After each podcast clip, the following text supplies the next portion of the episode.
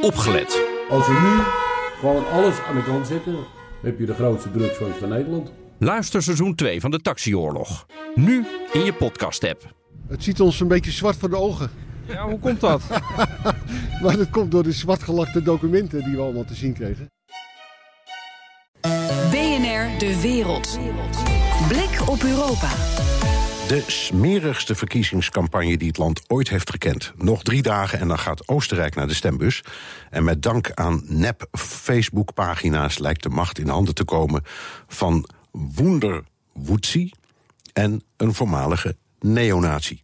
Europa-verslaggever Jesse Pinster. Even voor de mensen die niet elk jaar in Oostenrijk op vakantie gaan... of niet elke dag daar naar de televisie kijken. Wat zijn Wunder Wutzi en wie is die neonazi? Ja, Wunderwutzi, dat is het, het, wonderkind van de Oostenrijkse politiek. Sebastian Kurz, we hebben het eerder over hem gehad... de 31-jarige leider van de EVP.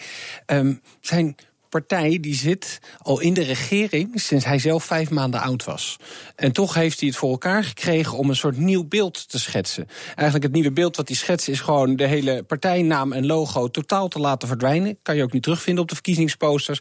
En het draait allemaal om hem, om meneer Koerts. En eh, nou ja, blijkbaar werkt het. Hij staat er goed voor. Hij wordt waarschijnlijk de nieuwe premier in Oostenrijk. Dan de neonatie, dat is Heinz Christian Strache, of HC, zoals zijn fans hem uh, graag noemen. Dat is de leider van de rechtspopulistische FPE. De Süddeutsche Zeitung heeft een, een, een grondig tweeluik ook uh, erover geschreven. Hoe deze Strache eind jaren 80, begin jaren 90 echt vrij diep in de rechtsextreme scene zat. Zowel in Oostenrijk als in Duitsland. Zelf bagatelliseert hij altijd een beetje van ik was jong en ik was uh, nieuwsgierig. Heeft ook nooit zijn uh, nou ja, echt afstand daarvan genomen. Maar als je die reportages leest in de Süddeutsche Zeitung... dan zie je dat hij daar toch nou ja, uh, veel langer en veel dieper in zat... dan hij zelf toe wil geven. Nou ja, beide heren die, hebben een, een behoorlijk streng anti-migratiebeleid... wat ze nastreven. Behoorlijk anti-islam klinken ze ook. En samen staan ze op dit moment op 60% van de stemmen. Dus naar alle waarschijnlijkheid wordt dit een nieuwe coalitie in Oostenrijk. Ja, uh, nog niet zo lang geleden, een half jaar geleden, wonnen de Groenen op het nippertje ja. En na allerlei gedoe de verkiezingen voor het presidentschap. Uh, wat is er met links gebeurd in dat land? Nou, met de Groenen, die, die zijn echt uit elkaar gevallen. Dat zijn twee partijen geworden die nu een beetje een soort rond de kiesdrempel van 4 uh, procent uh, zweven.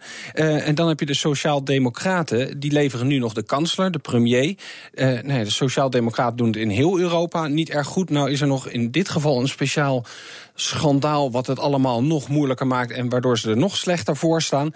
Ze hadden een Israëlisch pol po politiek consultant ingehuurd, Tal Silberstein. Die hebben ze een half miljoen betaald. Nou, die heeft wat advies gegeven, maar die had ook bedacht dat hij een paar Facebook-pagina's moest beginnen.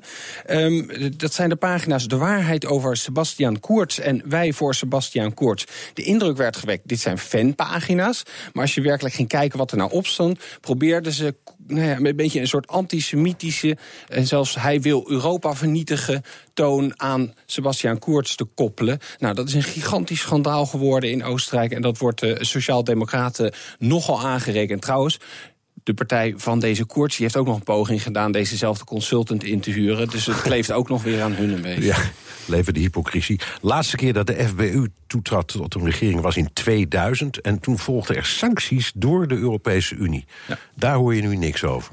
Nee, nee de, de, de, de tijden zijn toch wat uh, veranderd. Je ziet dat er natuurlijk in Polen, in uh, Hongarije ook... Nee, toch wat nationalistische, populistische partijen aan de macht zijn. Nou, Europa probeert daar wel iets aan te doen. Maar ze hebben ook wel geleerd van wat er in 2000 is gebeurd. Dus toen kwamen ze een dag nadat de regering gevormd was... met diplomatieke sancties, voor zover die echt heel veel inhielden. Het effect was eigenlijk averechts, meer steun voor de FPE. Dus dat gaan ze deze keer niet meer doen. Maar ja, ze kunnen ook niet de hele tijd op een afstand afstandje blijven. Want uh, volgend jaar is bijvoorbeeld Oostenrijk ook weer voorzitter van de Europese ja. Unie.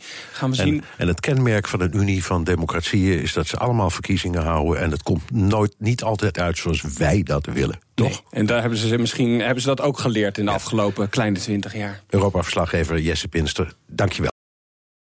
Ook Hugo Reitsma vind je in de BNR-app. Superhandig die BNR-app. Je kunt alle programma's live luisteren, breaking nieuwsmeldingen. Je blijft op de hoogte van het laatste zakelijke nieuws. En je vindt er alle BNR-podcasts, waaronder natuurlijk de belangrijkste, Boeken zijn in de wijk. Download nu de gratis BNR-app en blijf scherp.